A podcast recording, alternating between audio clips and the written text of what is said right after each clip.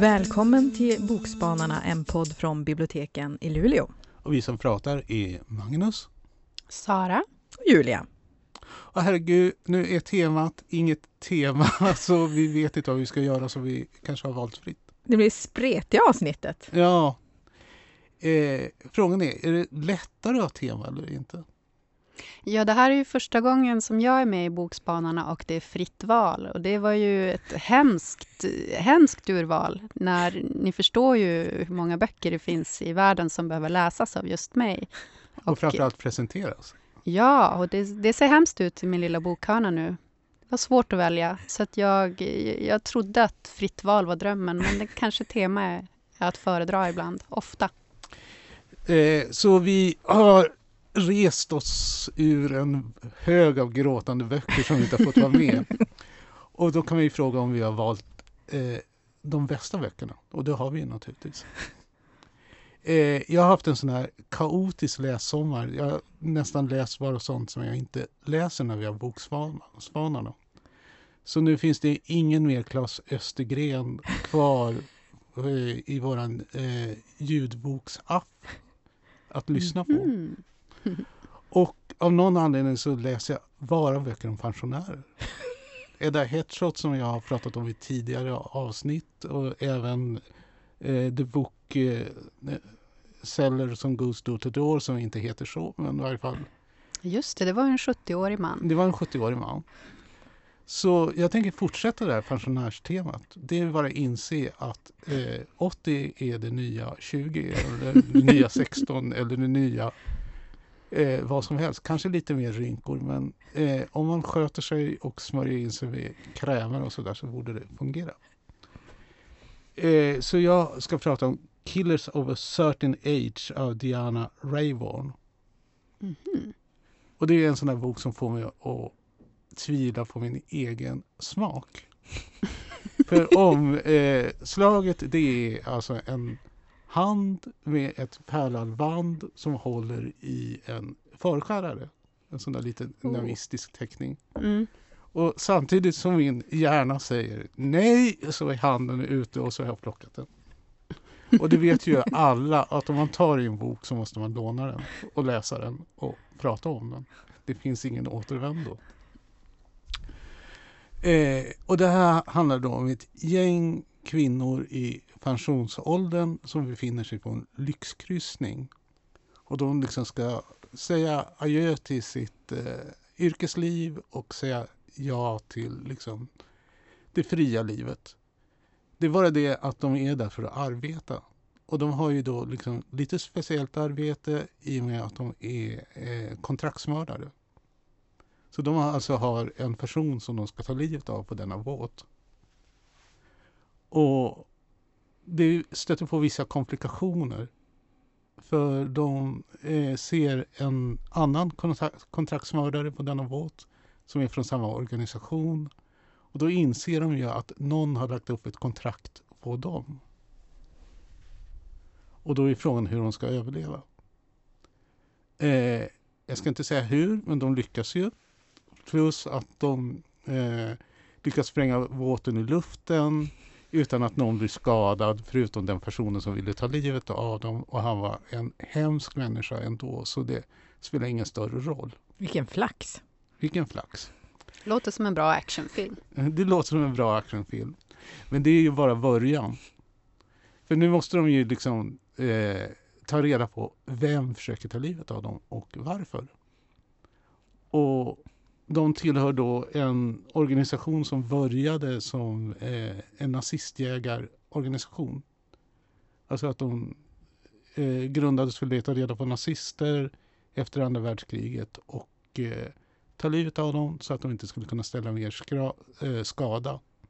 Och deras verksamhet har då utvidgats så att de jagar liksom diktatorer, folk som ägnar sig åt trafficking, drogförsäljare här får jag liksom sån där, jag tycker det är lite otäckt det där när man kommer fram till att politiska mord är ett sätt att liksom vårda samhället.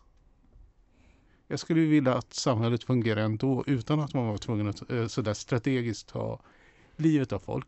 Eh, men det stör inte författaren. Och det är som man ska läsa den, antingen så accepterar man det eller så gör man något annat. Eh, så de sätter upp liksom de lyckas ta reda på att det är någon sån här maktstrid i den här organisationen. Och de som vill ta över organisationen har lite problem med de här kvinnorna så de vill bli av med dem också. Och sen är den fylld av liksom sådana där eh, stora planer. De grupperar sig på olika gods. De flyger mellan olika kontinenter. De befinner sig på torg där alla är eh, engagerade, har olika roller, går runt och pratar i öronsnäckor. Lite mission impossible. Eh, det som räddar den det, det är att den är så, den är så rolig. Alltså. Det, det låter lite makabert. Men för att kunna kommunicera med varandra till exempel och utan att de här eh, männen i den här organisationen ska upptäcka det så tar de fram en app eh, som eh, är en dagbok liksom över menstruationscykel. och i den så lägger de liksom, eh, uppgifter om var de ska träffas och vad de ska göra. Ja. Därför att de är övertygade om att en man aldrig liksom skulle gå in i en sån app och titta. Och det kan vara sant. Roligt. Det som är bra också att den, den går inte för långt. Alltså jag är hela tiden sådär lite småirriterad på eh, huvudpersonen. Hon är lite vitsig, sådär och går och muckar och gräl med de andra och irriterande. Och det gör att boken fungerar. Därför hon hade varit väldigt trevlig, allt hade varit eh, gulligt. Ah, då hade hon varit ganska tråkig. Och sen den största anledningen att jag älskar den, som jag gjorde att jag sa ja till den, förutom att den är extremt välskriven. Alltså det är som att sitta i en sportbil ungefär som far runt i kurvor och gör en massa sådana saker som den inte skulle göra när jag har körkort. Men, eller om jag hade körkort. Å andra sidan har jag inte skrivit boken så det behöver jag inte bekymra mig för. Det är liksom bara att följa med. Eh, men anledningen att jag tycker om den, det är ett litet citat till morden av Midsommar som finns i den. Och det är avsnittet som är mitt favoritavsnitt där det är någon som blir ihjälslagen av en ost. Där de här yrkesmördarna sitter och liksom uttrycker sin inte kanske avsky, men avundsjuka över att de aldrig har kommit på att man kan slå ihjäl någon med en ost. Så bisarrt. så bisarrt, så underbart. det var just det var ditt favoritavsnitt också som var exemplet i boken. Det var meningen att du skulle sträcka ut din hand till just den boken. Precis. Det finns alltid en mening. Handen är intelligentare än hjärnan. Spännande. Mm. Ska vi då till någonting helt annat? Här är ingen som blir slagen med en ost eller... Boring! Jag har läst Systrar oavsett av Eleonora von Essen. Och här får vi följa Leona, gift med två barn. Hon arbetar som modefotograf, men hon har börjat tappa motivationen för jobbet. Hon vilar, säger hon mycket. Och hennes man Viktor då får dra tyngsta lasset hemma. För att hon har fått eh, diagnosen att hon lider av utmattningsdepression. Men hon har svårt att acceptera det hon har nog fått tio samtalstimmar med en psykolog utskriven, men hon har jättesvårt att öppna sig och prata med den här psykologen. Hon känner skam, ensamhet, alltså så, som att hon är i sin egen bubbla. Vanligtvis hon pratar ju i telefon och träffar sina två äldre systrar Tintin och Mini ofta, men hon kan inte riktigt vara ärlig med dem hur hon mår. För att hon känner att de skulle bara försöka lösa det och inte lyssna, utan bara att komma fram med, men då gör du så, men då gör du så, men då gör du så, istället för att liksom bara eh, lyssna på vad hon har att säga. Eh, och de, systrarna har ju varit hennes trygghet under uppväxten, som inte var riktigt konventionell, och de har delat sorger och glädje tillsammans, och hon har ju som stött sig på dem, och i alla viktiga beslut hon har tagit, men nu känner hon att nu kan hon inte göra det. Ehm, hon har inte en lika nära relation till sina två äldre halvsyskon, Joakim och Helena, som hon... Och hon har en komplicerad relation till sin mamma. Eh, och mamman arbetade som sexterapeut under eh, uppväxten. Och mitt i allting så drog hon med dem allihopa ut och flyttade ut till ett hu hus mitt i, liksom, i skogen. Så de, de hade som bara varandra, hon och, och systrarna. Eh, liksom ny skola, ny, ny miljö, liksom bara för mamman kände att hon ville liksom bo någon annanstans. Um, och mitt i här allt eh, det här, eh, liksom mitt när hon har den här utmattningsdepressionen och det, det händer allt det här när hon redan börjar liksom fundera kring sig själv så händer då en tragedi. Eh, som jag inte tänker berätta vad det är, det får man läsa till. Och då ställs då det här systerskapet ännu på hårdare prov liksom och hon börjar komma ihåg, alltså saker som hon liksom har trängt undan från när hon var liten kommer liksom tillbaka. Och just den här undran, vem, vem är jag? Hon ifrågasätter liksom sig själv, relationen till systrarna. Vem skulle hon vara utan dem? Har de på något sätt hindrat henne liksom att utvecklas när hon hela tiden liksom har lutat sig mot dem? Eh, och varför hon alltid känt sig utanför också.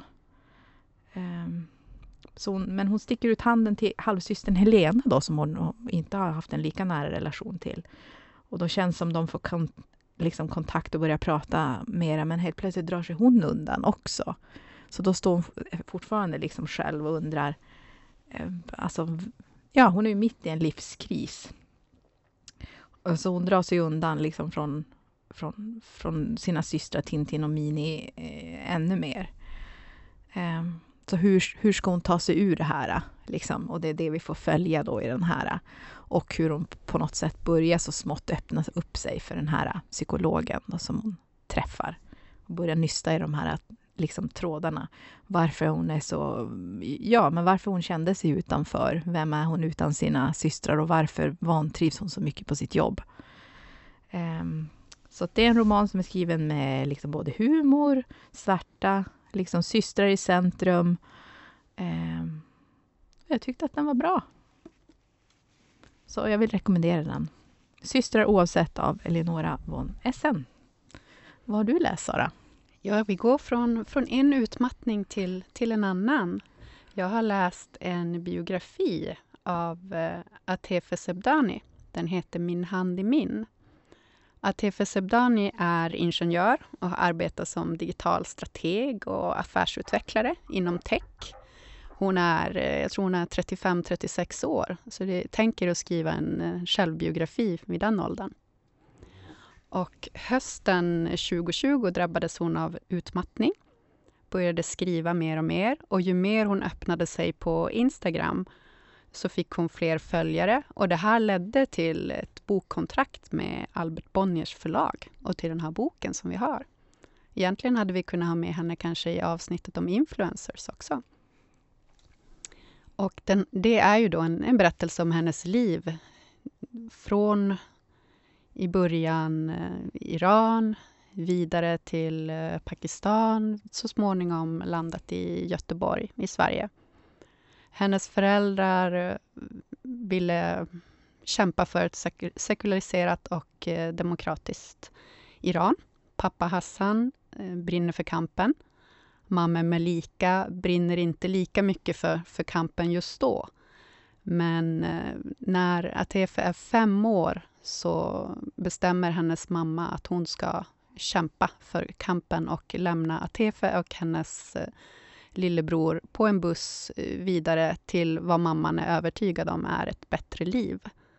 Och då hamnar de till sist efter många plågsamma dagar och nätter i Göteborg där de får bo hos en eh, familj som har eh, samma tro och känner samma kamp som, som föräldrarna.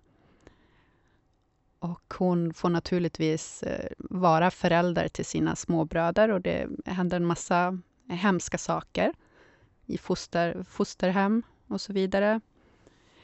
Men eh, det är liksom hela tiden en fina dagboksanteckningar och, och den här kärleken till en mamma lyser igenom. Istället för... Ja, naturligtvis finns det ju många frågor om varför mamma gjorde så, men, men det är väldigt fint. Jag läser inte så ofta biografier. Jag tänker, tänker väl jag vet inte om det är naivt eller så, men att vara en, en påhittad handling måste naturligtvis vara bättre än ett, ett riktigt liv. Men när, när en människa har levt ett, ett sånt här liv så förstår ni ju att det finns stoff för liksom, att berätta om allting från eh, första åren, från Iran vidare till Pakistan, vidare till fosterhem, utsatt för sexuella trakasserier, komma liksom till ett nytt land och försöka få en plats, känna, känna sig som en av alla andra.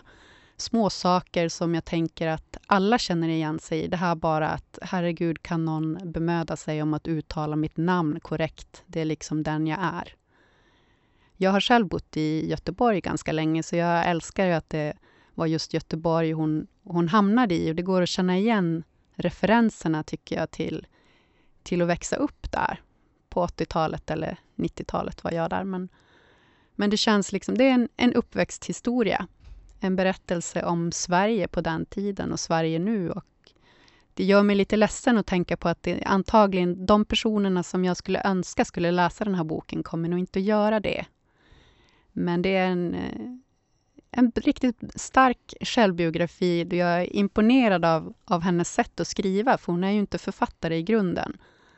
Och det är svårt att, att, skriva om ett liv som innehåller så mycket saker på ett, på ett bra sätt. Sen måste det vara svårt att skriva en biografi och få in liksom dialog. Inte bara bla, bla, bla. Sen hösten 79 reste vi vidare. Ja, ni förstår. Mm.